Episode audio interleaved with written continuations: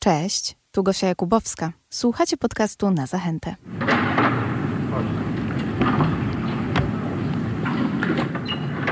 Myślę, że nie byłbyś ze mnie zadowolony, bo w mojej torebce jest plastikowa butelka. No pewnie, ale wiesz co, no jakby nie ma co panikować, bo to nie do końca na tym polega problem, że ktoś ma czasem plastikową butelkę, tak mi się wydaje. Tylko na tym to polega, że po prostu jakby jakieś zjawisko ma swoją, swoją skalę i ta skala jest duża. Ja też mam czasem plastikową butelkę w torbie. Myślałam, że tylko kranówka. Nie, to znaczy, okej, okay, ja piję dużo wody, ale nie tylko. I też nie tylko kranowej, bo nie wszędzie da się ją wziąć, tak, pobrać skądś. Więc... Pamiętam, że kiedyś byłam w Lublinie i e, poprosiłam pana o kranówkę. Powiedział, oj, pani nie chce jej pić, to nie Warszawa. Ale to już no. się zmieniło, to już się zmieniło. Podobno tam w Lublinie też można pić e, kranówkę. Tak, tak. To w pewnym momencie wodociągi się połapały, że mogą to robić i to zaczęły sobie robić i wtedy my przestaliśmy to robić. A słyszałeś, że w Katowicach są nawet somalierzy? Tak? Tak. Y, to znaczy ci wodni są. są ci wodni, tak? pięknie. Tak, to są osoby, które e, sprawdzają, czy woda nie tylko ma dobrą jakość, ale także i dobry smak. Dobrą jakość smakową, okej. Okay. No tak, no tak, no przecież są takie uzdrowiska, gdzie możesz się napić różnych wód i one mają smak jakiś. Na przykład, no czasem też brzydko pachną, ale są, są ciekawe w smaku. Piłem parę takich e, wynalazków natury. Zaczynamy jest, od okay. ekologii nasze dzisiejsze spotkanie i o, do niej wow. jeszcze powrócimy. Okay. Ale y, ja bym chciała e, teraz przejść do zupełnie innej bajki, a mianowicie do Braci Grimm. Oglądałeś kiedyś albo czytałeś bajki Braci Grimm? Na pewno tak, bo bardzo dużo tych bajek y, w dzieciństwie przyswajałem dzięki swoim rodzicom, którzy mi ich dużo czytali. Więc tak, ale nie znam na wyrywki, więc jak chcesz mnie odpytać, to od nie, razu odpytać, uprzedzam, że to jest nie, bez sensu. Odpytać może nie, bo sama też nie pamiętam. Tym bardziej, że te bajki z perspektywy dziecka chyba były psychodeliczne. Przynajmniej ja takie zapamiętałam, jako jakieś takie abstrakcyjne, przerażające, e, co prawda z morałem, ale jednak bardziej przerażające. Tak, to jest słowo, które bym chyba dopasowała do bajek braci Grimaty. Myślę, że tak. I chyba to jest w ogóle aplikuje się do bajek, takich oldschoolowych baśni. One wszystkie mają jakieś takie diaboliczne motywy. A myślisz, że muzykanci z Bremy też byli psychodeliczni albo przerażający na swój sposób? Być może. A wiesz, dlaczego to wszystko się wypytuje tak? No wiem, wiem dlaczego, wiem, bo jest ta część historii, ale akurat, prawdę mówiąc, ona mnie interesowała mniej niż ta druga część. Dlaczego? No bo pytasz mnie o to dlatego, że będziemy rozmawiać o rzeźbie Kozyry. Tak. Mm, I dla mnie jakby chyba najciekawszą częścią tej pracy jest to, co wokół niej urosło i tak, jakby Czyli tym, czym dyskusja? ona się stała. No bo ona to ze sobą niesie, jakby ta praca niesie ze sobą całą tą historię, która nagle wybuchła wokół niej. I jakby to jest chyba dla mnie najciekawszy aspekt tej pracy, bo ona powstała sobie jako praca dyplomowa, studencka i też dlatego ona taka jest fizycznie, jaka jest i o tym też pewnie będziemy rozmawiać, ale później wokół niej jakby urosło, urosła jakaś wielka legenda i cały jakiś taki zapis recepcji, zapis dyskusji publicznej, który się odbył, a może nawet się nie odbył, tylko się odbywa wokół niej, bo drukują ją w podręcznikach i jakby ta praca jest w zasadzie ikoną taką no, sztuką współczesną polską w pigułce. No, myślę, że mało jest ludzi, którzy tej pracy nie kojarzą. Dzięki temu ona właśnie jest taką sztandarową pracą i to, co wokół niej idzie z nami przez już 30 lat, to jest ta najciekawsza część historii. Jedni mówili, że praca e, Kozyry odnosi się do śmierci, inni mówili, że jest to protest przeciwko konsumpcji, hipokryzji i zabijaniu. A czym dla ciebie jest to dzieło sztuki? No myślę, że dla mnie ono jest właśnie zbiorem tych rzeczy, szczerze mówiąc. Do każdej z nich wydaje się być e, jakimś komentarzem i, i być w jakiś sposób adekwatna do każdego z tych tematów. Każdy z tych tematów w niej się osadził w historii dyskusji o tej pracy. Jest zarówno o śmierci, jak i o zabijaniu, jak i o konsumpcji, szczególnie, że te rzeczy się w zasadzie łączą. E, wspominałeś o tym, że podoba ci się to, jak ta praca przetrwała ten czas. Podobała ci się ta dyskusja, która dotyczyła tego, czy praca jest szokująca, czy pracę należy skancelować, czy nie. Dzisiaj tak byśmy powiedzieli. Szczerze mówiąc, czy ona jest szokująca teraz, to wydaje mi się, że nie. No, na pewno była szokująca bo jak się zajrzy trochę do jakichś archiwalnych materiałów, no to jest to dość ewidentne, że rozpalała ludzi do czerwoności. No, mówimy o pracy, która była skandalem była w 93 roku tak, i później. Oczywiście, no. Kozyra też się chyba przez jakiś czas w pewien sposób wycofała, że, bo była tak atakowana za tą pracę. Także na pewno rozpalała, ale czy ona teraz szokuje, to wydaje mi się, że nie, no bo jednak trochę się zmieniły czasy, trochę się zmienił poziom bodźców, który przyjmujemy. Wydaje mi się, że w czasach, kiedy widzimy jakieś rolki, jakieś storiesy na różnych platformach społecznościowych, gdzie się trafia na treści chyba nawet bardziej szokujące. Bardziej kontrowersyjne to na Bardziej pewno. kontrowersyjne. W czasach patostreamerów, influencerów, różnych tego typu zjawisk, to ja nie wiem, czy to jest szokujące w tej chwili. No już nie mówiąc o tym, że trochę sprawa okrzepła. Ma 30 lat, no i w zasadzie też od 10 nie była pokazywana, więc no ale może, to się zmieni. Może rozpali, to się zmieni. Może znowu rozpali publiczność. To się, to się zmieni. zmieni. No to się Dzięki tobie zmieni. między innymi, no bo podjąłeś się konserwacji tego e, dzieła. Ja słyszałam, że tam był problem z tym koniem, który się wykrzywił. Czy to prawda? To prawda. Głównie problem dotyczył właśnie konia. Jest on bardzo duży, bo jest to po prostu koń w rozmiarze konia. No bo wszystkie zwierzęta są jeden do jednego. Tak. Zresztą, tak. a propos konia, to powstał wtedy film. On jest częścią tej pracy w zasadzie, tak. więc też jakby Trochę można o tym zapomnieć, ale tak jest. Z obdzierania konia. Tak, z, z, z uśmiercenia i, i, z rozbiórki tego konia. W ogóle tego konia zjedli ludzie, jak się okazało. Nie wiedziałem o tym, dopóki się nie zająłem. To znaczy, to mięso zostało roz, w pewnym sensie rozszabrowane jakby przez ludzi, którzy gdzieś tam w okolicy się znajdowali. Ciekawe, nie słyszałam o tym akurat, jeżeli chodzi o tę rzeźbę, natomiast rozmawiałam z paniami z Zachęty, które się opiekują różnymi dziełami e, sztuki i zbiorami, to powiedziały, że bardzo trudno było znaleźć im osobę, która podjęłaby się tej konserwacji e, akurat piramidy zwierząt. Dlaczego ty postanowiłeś się tego podjąć? Dlatego, że ja słyszałem już od długiego czasu, że jest kłopot z tą pracą. Właściwie to usłyszałem o tym po raz pierwszy jeszcze jako student i to taki wczesny student. I gdzieś zapadło mi to w pamięć. Później no minęło parę ładnych lat, może nawet ponad 10 lat. I ten temat gdzieś wrócił. Dowiedziałem się, że, że po prostu ta praca jest już od długiego czasu w ogóle nie pokazywana i że zachęta szuka kogoś, kto mógłby się tym zająć. I stwierdziłem, że to super. To bardzo ciekawa rzecz bo też, prawdę mówiąc, ja nie jestem takim wielkim fanem tych tradycyjnych podziałów, które panują w mojej profesji, że konserwatorzy się zajmują czymś tam i czymś innym się już nie zajmują, bo tylko się zajmują obrazami albo rzeźbą z marmuru. Ja nie postrzegam tego zawodu w ten sposób. Oczywiście szanuję jakby jakiegoś rodzaju też doświadczenie, które trzeba gromadzić i zbierać, żeby robić coś dobrze, ale to była też okazja, żeby zrobić to zespołowo i myślę, że to była właśnie praca, która czekała na dobry zespół. I ten zespół też nam udało się zbudować, bo... Ale to ty budowałeś ten zespół od początku? Ja go budowałem, tak. I bardzo to fajnie wyszło. Więc też, no, w zasadzie to, to uczciwie byłoby powiedzieć, że samodzielnie jakby nie zrobiłbym tego tak naprawdę. Bo w tym zespole były po prostu różne osoby. Myślę, że przewinęło się ich tam kilkanaście, które coś tam zrobiły. Albo dostarczyły jakąś wiedzę, albo zrobiły jakieś badanie. Wśród już jakby tego zespołu, który stricte y, wykonał to ostatnio i to zakończył, no było parę osób, moja koleżanka Monika Bzura, której bardzo dziękuję za, za zaangażowanie i świetną robotę. Też mój kolega Kuba Antosz, który też bardzo dużo do tego wniósł. I jeszcze parę osób, nie będę ich wszystkich wymieniał, bo to nie ta formuła, ale chciałem to podkreślić, bo praca konserwatora często jest postrzegana jako praca człowieka, który siedzi gdzieś w jakimś tajemniczym gabinecie i sam wszystko robi. Tak. tak nie jest. I myślę, że właśnie też ta praca trochę czekała na to, żeby zrobił ją zespół, bo niestety niektórych rzeczy nie da się po prostu zrobić e, w pojedynkę, mając jakąś tam specjalizację. A że ja się generalnie lubię uczyć różnych nowych rzeczy i tak trochę wychodzić poza swoją specjalizację, no to mi to bardzo odpowiadało i bardzo mnie ekscytowała taka wizja. Więc dlatego ja się do tego zgłosiłem. A dlaczego ja zostałem wybrany? No to pewnie dlatego, że wybrano moją ofertę. Nie wiem, czy były, szczerze mówiąc, jakieś kontroferty.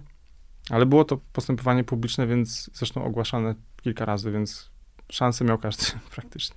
Powiedzmy o tym procesie. E, wspomniałam o koniu, e, z którym jest największy problem, bo tam się e, wykrzywił. Chyba jedna noga się wykrzywiła? On się... Tak jest. No nie, właśnie ni niestety nie jedna noga. Musi, znaczy faktycznie jedna noga była wizualnie najbardziej dostrzegalna, że jest skrzywiona. Ale prawda jest taka, że ten koń był cały uszkodzony. On po prostu był zupełnie niestabilny. Kiwał się, e, nie stał prosto. Właściwie można by było mieć wątpliwości, czy on by był w stanie bez jakiejś asekuracji samodzielnie przestać miesięczną ekspozycję. On był specyficznie zrobiony, wykonany, bo to też no, nie zrobiła tego preparatu Katarzyna Kozyra, tylko zrobił to preparator na jej zlecenie, Jerzy Linkowski.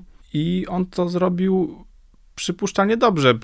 Tak mi się wydaje. Zrobił to dość standardowo, tak jak się po prostu robiło takie preparaty.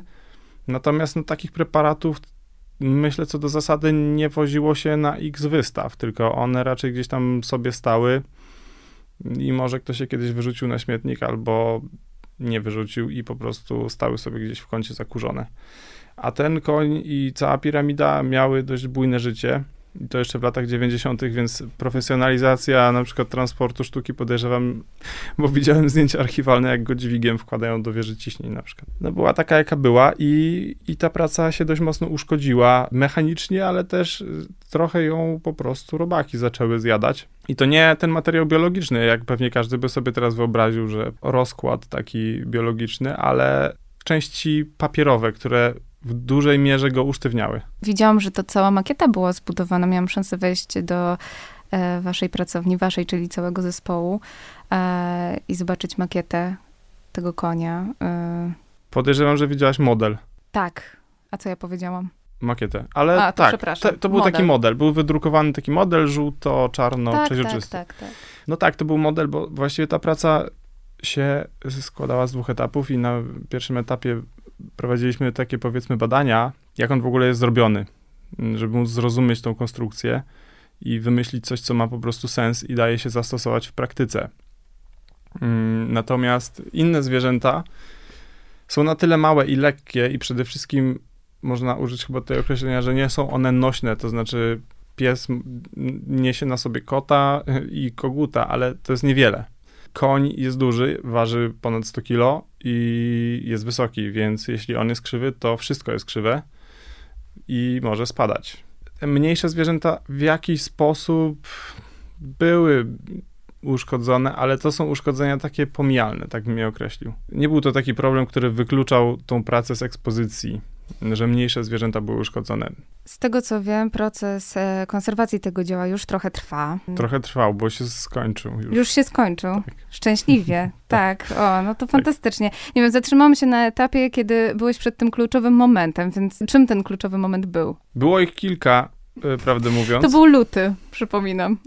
To był luty, tak. Y, były tak naprawdę dwa kluczowe momenty. Myślę, że było ich jeszcze więcej, ale żeby nie komplikować sprawy, to przyjmijmy, że były dwa.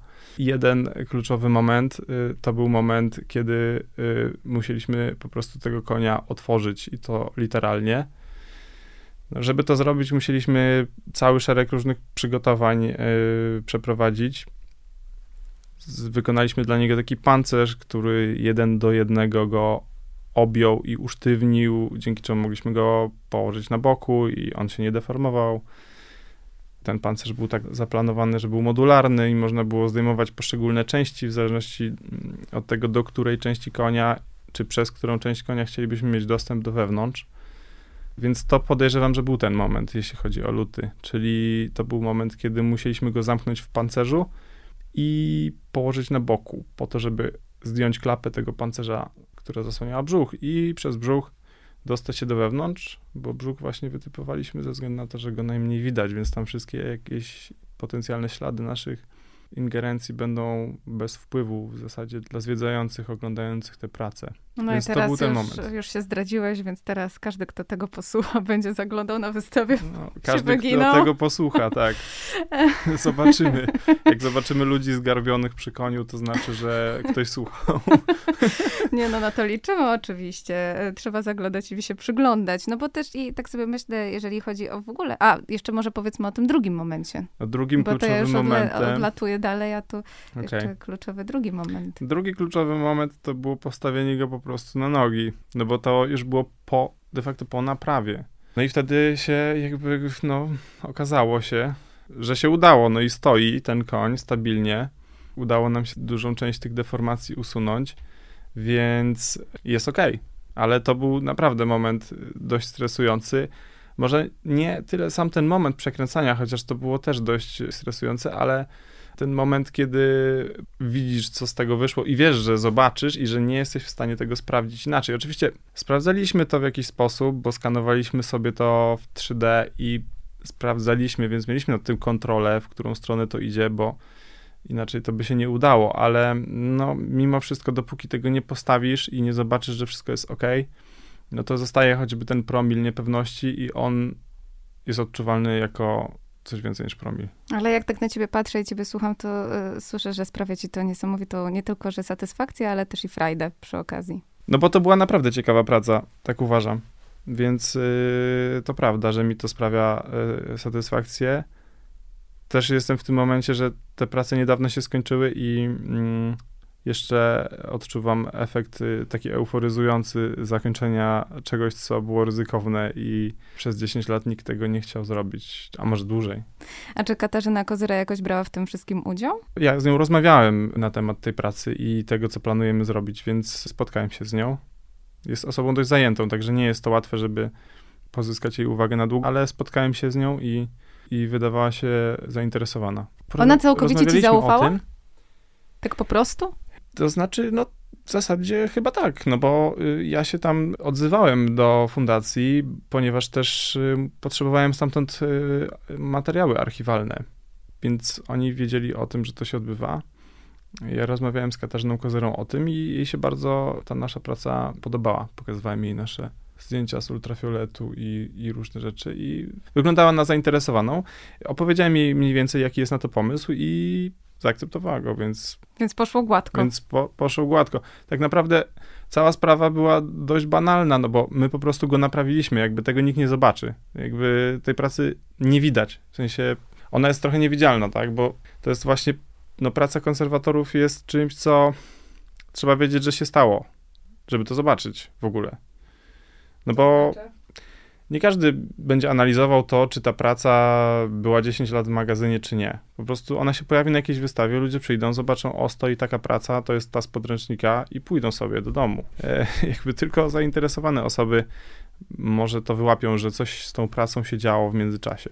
Czy ty jako konserwator y, dzieł sztuki już masz to wyczucie, kiedy warto zostawić y, dany uszczerbek, a kiedy jednak trzeba go naprawić? To jest bardzo trudne, tak mi się wydaje. Tak, to jest też trudne pytanie, ponieważ no to jest zawsze jakoś tam uznaniowe. No, wydaje mi się, że mam, tak, ale może przyjdzie ktoś, kto powie, że jednak go nie mam. E, I pytanie, kto ma wtedy rację. No właśnie, bo to chyba jest takie subiektywne bardzo i trudno tak ocenić obiektywnie. Może wyjść z tego jeszcze jakaś e, afera, że się zre- źle zrekonstruowało dane dzieło, że plamka, która powinna zostać, nagle znika z danego dzieła. No tak, tak. No to jest, to jest zawsze poważne pytanie i teoretycy konserwacji też się na ten temat spierali i spierają zapewne, ale y, no ja zdecydowanie nie należę do, do takich fanatyków, którzy uważają, że nic nie należy robić albo że należy wszystko zrobić. Więc w tym sensie jestem człowiekiem środka, ale raczej tutaj skłaniam się do, do takiego podejścia, żeby po prostu rzeczy niekoniecznych raczej nie robić jeśli coś jest przekształcone mocno i da się to jakoś sensownie odkręcić, to tak. I, i tutaj, jeśli chodzi o taką sferę stricte wizualną, bo te zwierzęta też były w międzyczasie w jakiś sposób poprawiane i to tak nie najlepiej, moim zdaniem. Po prostu były przemalowywane. Znaczy, ktoś im tam podmalowywał oczy, coś tam przemalowywał na pyskach, więc one naprawdę znacząco zaczęły odbiegać od tego, jak ta praca wyglądała wcześniej. No między innymi ten etap badań polegał na tym, żeby ustalić, jaki jest ten stan referencyjny i w pewnym momencie podjąć tą decyzję, do którego momentu się cofamy. I uznaliśmy, że cofamy się jak najbardziej do oryginału, chociaż ciekawostka jest też taka, że no to po pierwsze nigdy nie jest możliwe, żeby cofnąć się w pełni do oryginału. No, zależy też po prostu, jaką się przyjmie optykę, no bo pewne zmiany są zupełnie nieodwracalne i, i nie da się wszystkiego mm, przywrócić, przywrócić, tak? tak. Mm, ale takie ogólne wrażenie i tych zdjęć archiwalnych na szczęście znaleźliśmy na tyle dużo, że to się gdzieś udało. Z tym, że właśnie ciekawostka jest taka, że na przykład kogut jest w ogóle, nie jest tym pierwszym kogutem, to już jest któryś kogut. Prawdopodobnie jest to drugi kogut, bo pierwszego koguta po prostu bardzo szybko zjadły jakieś owady on przestał istnieć i został wymieniony w pewnym momencie na drugiego koguta i jest ten drugi kogut, więc jakby tutaj nie jesteśmy w stanie dokonać też cudu y, wskrzeszenia tego pierwszego koguta i przywrócenia go do pracy, ale mm, no, zaakceptowaliśmy tego drugiego po prostu. Mhm. Bo, bo, w ogóle śmieszna historia jest taka, że jak się rozmawia z jakimiś ludźmi, którzy, nie wiem, zajmują się właśnie takimi preparatami albo mają takie bardzo techniczne podejście, no to oni się pytają, no ale to nie możecie po prostu nowego konia jakby wziąć? No właśnie. Będzie łatwiej? Będzie łatwiej. No, jakby po co tego, tej starego konia chcecie naprawiać? No bo z drugiej strony chcemy zachować jak najwięcej pro, procent oryginalnej rzeźby. To chyba no, też o to tak, chodzi. Tak, i tutaj akurat to miało też uzasadnienie, no bo ten koń nie był przypadkowy, on został wybrany i tak dalej, więc to było w pełni uzasadnione, no ale tego typu rekonstrukcje też się gdzieś realizuje, że coś się po prostu wymienia nie wiem, stolarkę okienną albo...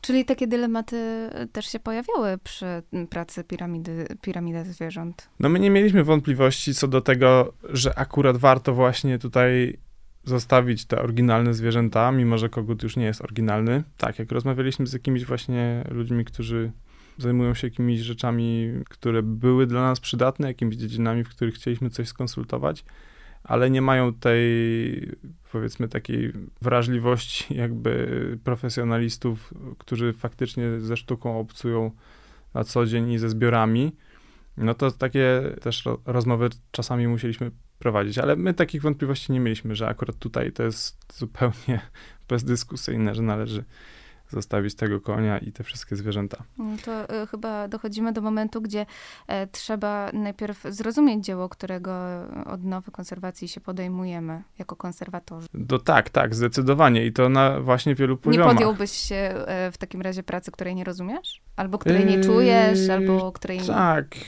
no myślę, że bym się nie podjął niektórych prac, na pewno, ale... Jak na przykład? Hmm, no ciężko mi tutaj. Y, y, Mam tu na myśli bardziej obrazy z jakiejś epoki konkretnej, rzeźby.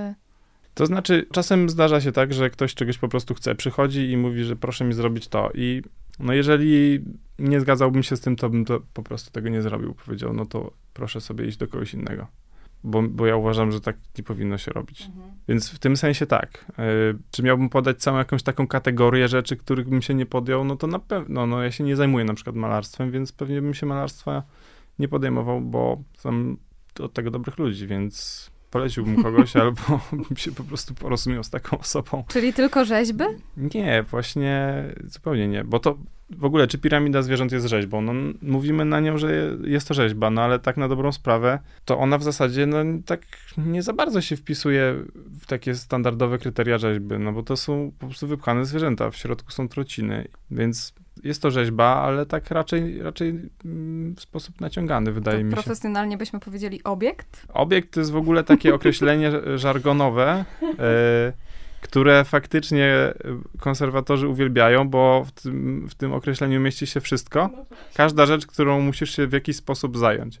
Więc tak, powiedzielibyśmy obiekt na pewno bardzo chętnie, ale my w ogóle pozostaliśmy przy tym określeniu rzeźba, no bo uznaliśmy, że ono jakby funkcjonuje od początku i po prostu to akceptujemy jako coś, co przez lata się usankcjonowało. To nie jest też zresztą nasza funkcja, żeby, ani nasza rola, żeby tutaj to ustalać.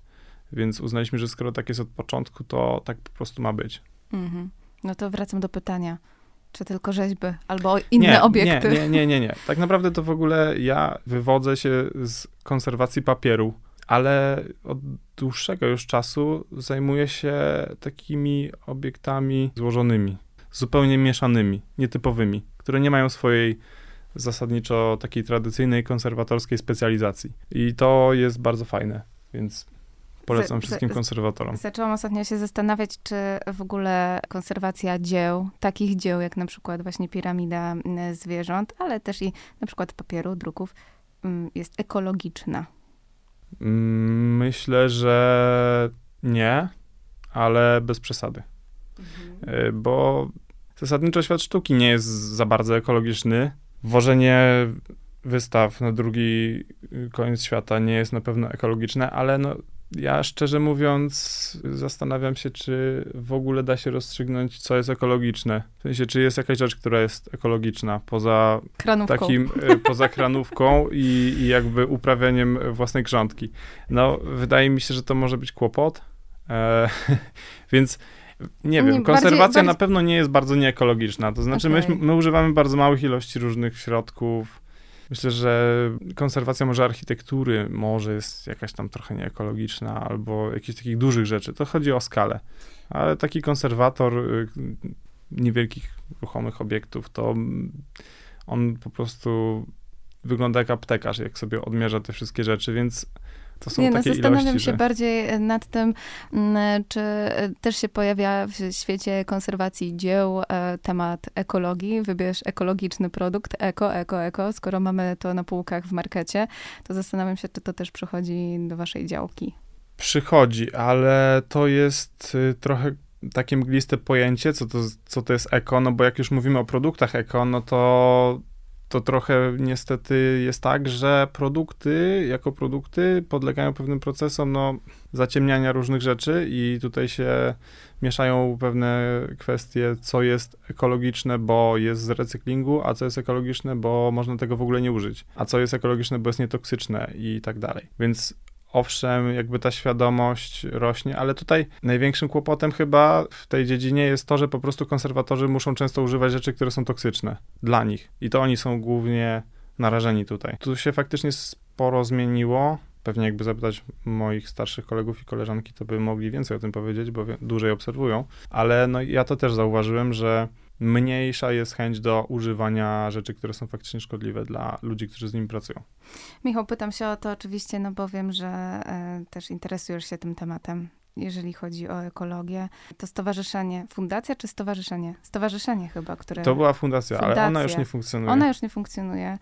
E, poddałeś się, przegrałeś z e... lobby butelkowym. Nie, właśnie za, trochę inaczej się stało, bo nie przegrałem z lobby butelkowym, tylko jakby idea się zaczęła sama trochę nieść i no i to było dla nas ok. Mission complete. No trochę tak. Okay. Bez przesady. Nie chcę, żeby to zabrzmiało jakoś y, zbyt y, dumnie, ale wydaje mi się, że może to była też jakaś taka korelacja różnych czynników, że po prostu zrobiliśmy ten kroczek jako społeczeństwo w górę, tak? Mhm. I, I dotarliśmy do tego punktu, że niektóre rzeczy jakby się jakoś tam przyjęły. Mam takie wrażenie, że może dołożyliśmy do tego coś. W pewnym momencie to było ewidentne, że te wszystkie rzeczy zaczynają się dziać same, że ludzie to robią w sposób rozproszony i nie jest im potrzebny żaden taki centralny urząd zatwierdzania bezbutelkowości i tak dalej, więc okej, okay, przyjęliśmy to i, i, stwierdziliśmy, że jest już wystarczająco. Mission Complete też można powiedzieć tak y, o mm, konserwacji piramidy zwierząt, która powiodła się i wiesz może, gdzie zobaczymy y, piramidę zwierząt w najbliższym czasie, czy w ogóle gdzieś ją zobaczymy? Zobaczymy na pewno, to wiem. Ale nie możesz powiedzieć, gdzie. Nie mogę powiedzieć, tak dlatego że ja nawet nie wiem, czy to jest wszystko pewne i po prostu nie chcę tutaj być jakimś takim sygnalistą, a y, to jest praca, która należy do zachęty. Y, no i to, to zachęta decyduje o tym, gdzie oni ją y, pokażą. Powiedzmy jeszcze o obiektach, które z perspektywy konserwatora mogą być atrakcyjne do odnowy, bądź inspirujące, bo to doświadczenie na pewno dla ciebie takie było. No tak, tak. No, akurat szczerze mówiąc, mi jest ciężko powiedzieć, jak to wygląda z perspektywy konserwatorów, bo oni stanowią dość taką zróżnicowaną grupę. Mhm. Ale z mojej perspektywy to są obiekty po prostu nietypowe, które się gdzieś wymykają klasyfikacją materiałowym, jeśli chodzi o to, jakie to właściwie jest medium.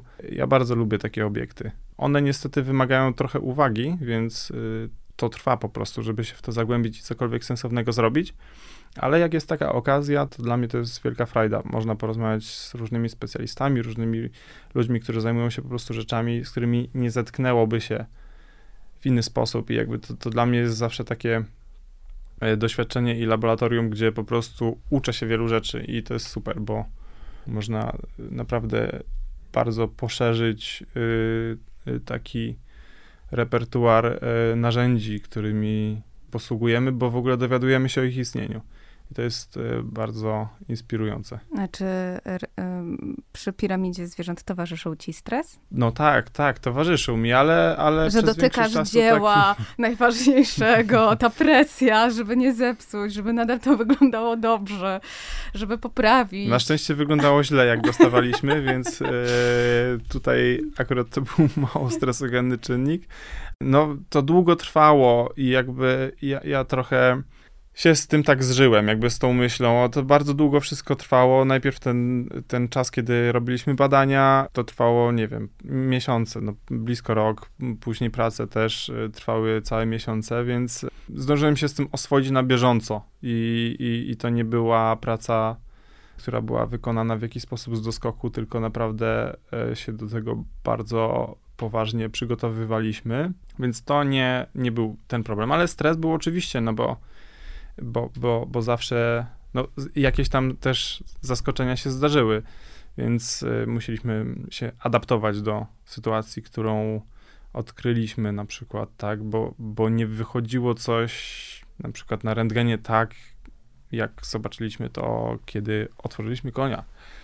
Więc były różne niespodzianki i to bywało stresujące, ale mm, dzięki temu, że to tak długo trwało i byliśmy dobrze przygotowani, to mogliśmy się zrobić pauzę, przemyśleć to przez pół dnia i jakby ruszaliśmy dalej, więc... A myślisz, że będą e, powracały te dyskusje wokół piramidy zwierząt, jakie były na początku? Te 30 lat temu? Wydaje mi się, że nie, ale sam jestem ciekawy. My będziemy w tym obozie, gdzie był Artur Żmijewski między innymi. Co ty na to? On, chyba, on chyba wchodził na tą piramidę, na tego konia, widzieć, z tego co pamiętam, więc mam nadzieję, że nie będziemy na niego wchodzić. Nie, wchodzić nie, ale bronić. No bronić, tak. No. Wydaje mi się, że to już nie wróci, ale no, wydaje mi się, że ta praca się już sama obroniła i teraz chyba są nowe tematy, które rozpalają e, ludzi, ale zobaczymy, bo jestem ciekawy. No, no teraz to jest taka praca trochę z second handu. W tym sensie, że to nie jest już nowe futro na, na wystawie, które ktoś oblewa farbą. Tak, mam nadzieję taką. Też mam taką nadzieję, że twoja praca nie pójdzie na marne. No praca konserwatora nie polega wyłącznie na tym, że siedzi w pracowni i coś ciągle robi, tylko musi też wywiązywać się z takich administracyjnych obowiązków, więc no to kolejne, to kolejne dzieło sztuki przed nami w wykonaniu Michała Kożurny. Oczywiście, jeżeli chodzi o konserwację tych e, dzieł. Chociaż być może, może zobaczymy jakiś obiekt niedługo. No mam nadzieję, ale naprawdę poprzeczka jest wysoko teraz, więc yy, no zobaczymy, no czas pokaże, ale wiem, że magazyny są pełne, więc i tylko przybywa w nich rzeczy, także na pewno się coś znajdzie na przyszłość. To dziękuję ci bardzo za to spotkanie i do zobaczenia gdzieś w przestrzeniach Galerii Zachęty. Dzięki również, do zobaczenia.